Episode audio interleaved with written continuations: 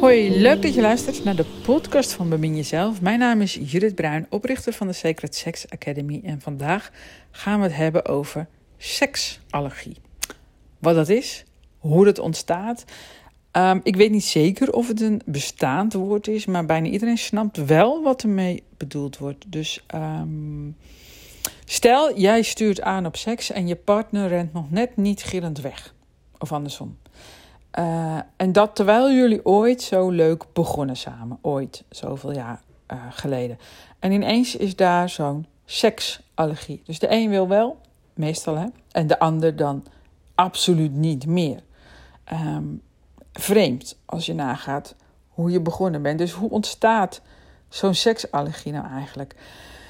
Ja, het is eigenlijk een beetje net als uh, bijvoorbeeld bij een allergie voor vis of tomaat. Iets wat ineens kan optreden, maar feitelijk is het geleidelijk ontstaan.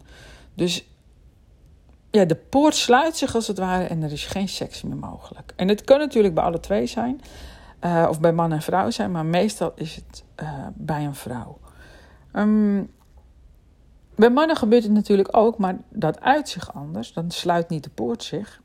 Uh, mannen die voelen zich dan overvraagd, bijvoorbeeld. En dan kan er iets soortgelijks gebeuren. Dan is je niet langer in staat om de poort binnen te gaan. Dus um, een seksallergie merk je pas als de poort ineens potdicht zit.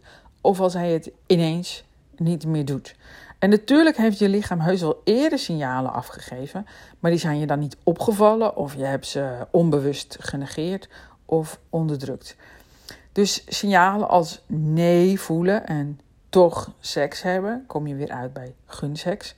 Um, of uh, penetreren terwijl je nog geen ja voelt. Of andere dingen doen die je eigenlijk niet wilt doen of op dat moment niet wilt doen. En toch doe je dat dat doe je omdat je uh, normaal wilt zijn. Dat, dat geldt ook voor veel vrouwen. Uh, je wilt ruzie voorkomen. Uh, misschien gebruik je seks wel als ruilmiddel. je wilt je mannetje kunnen staan. Hè? Je wilt kunnen laten zien dat je kunt presteren. En dat wordt onbewust van mannen verwacht.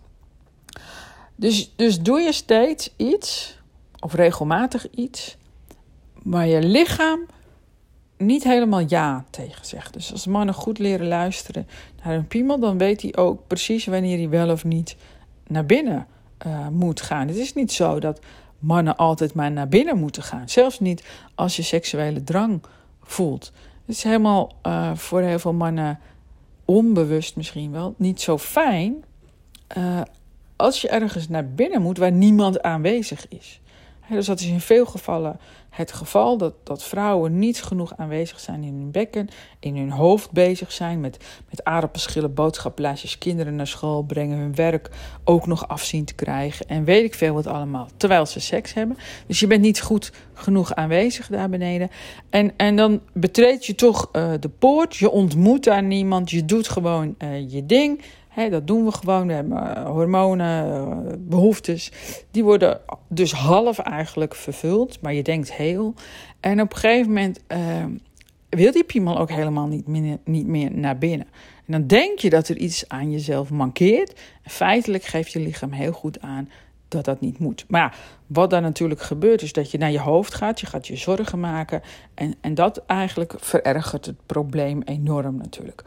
Oké, dat is eigenlijk weer een andere podcast. Nou, um, dus we hebben daar ineens, ineens plotseling uh, die seksallergie. En dan kun je dus, uh, zeker als vrouw, uh, maar als man natuurlijk net zo goed eigenlijk, kun je dus geen seks meer hebben.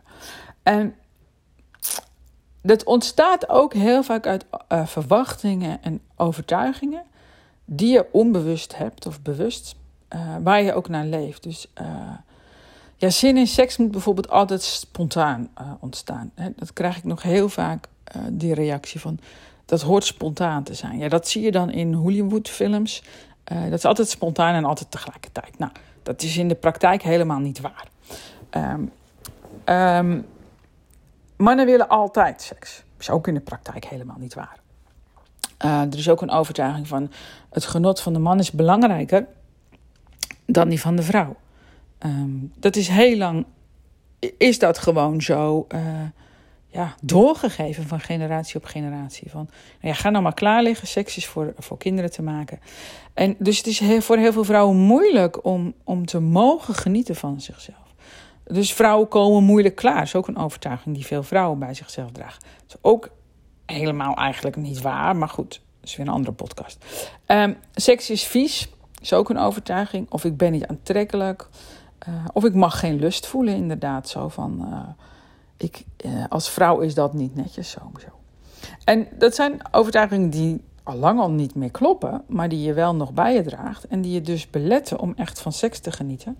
Waardoor je onbewust over je eigen grenzen heen gaat of, of laat gaan.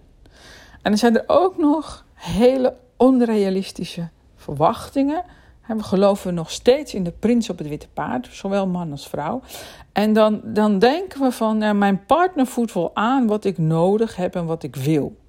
en veel vrouwen die denken dan, nou hij voelt toch wel aan wat hij moet doen. En, en veel mannen denken ook dat ze horen te weten wat ze moeten doen. En, maar wie leert dat ze dan? Dat is altijd een beetje de vraag. Nou, bij porno leer je het niet, dat heb je wel door natuurlijk. Um, een andere verwachting is ook dat mijn partner hoort toch al mijn behoeftes te vervullen. Dat is ook niet waar. Dus het is goed als je je behoeftes weet te kunnen verwoorden. Dan, dan blijf, je betrokken bij elkaar. Maar het is niet zo dat je partner standaard al jouw behoeften hoort te vervullen. En um, komt ook weer uit die films vandaan. Hè, dat seks is altijd fantastisch. Is ook niet waar. Dus, dus de ene keer uh, begin je heel blij aan seks, maar ja, het zakt toch weer een beetje weg, die opwinding. En dan kun je doorgaan, mag je helemaal zelf weten. Uh, het kan ook ineens heel snel afgelopen zijn als een man klaarkomt of zo. Ja, nou ja, dan was het toch misschien iets minder fantastisch als dat je eraan begon. Kan een teleurstelling zijn. Maar seks is niet alleen penetratieseks, dus kun je weer andere invullingen aangeven. Maar het voldoet dus heel vaak niet aan, aan verwachtingen. En verwachtingen is ook een beetje ja, tricky ook weer. Want uh, een verwachting is dus dat je iets hoopt. Dat je hoopt dat bepaalde behoeftes vervuld worden. En er zit dus ook een angst onder dat ze niet vervuld gaan worden. En dat komt omdat we ja, zoveel van onze behoeftes bij onze partner over de schutting gooien. Ja, en uh, als we dan onze verwachtingen niet uitkomen, dan gaan we gewoon nou, wat meer ons best doen. Ja, zo zitten we in elkaar. Dat is onze cultuur.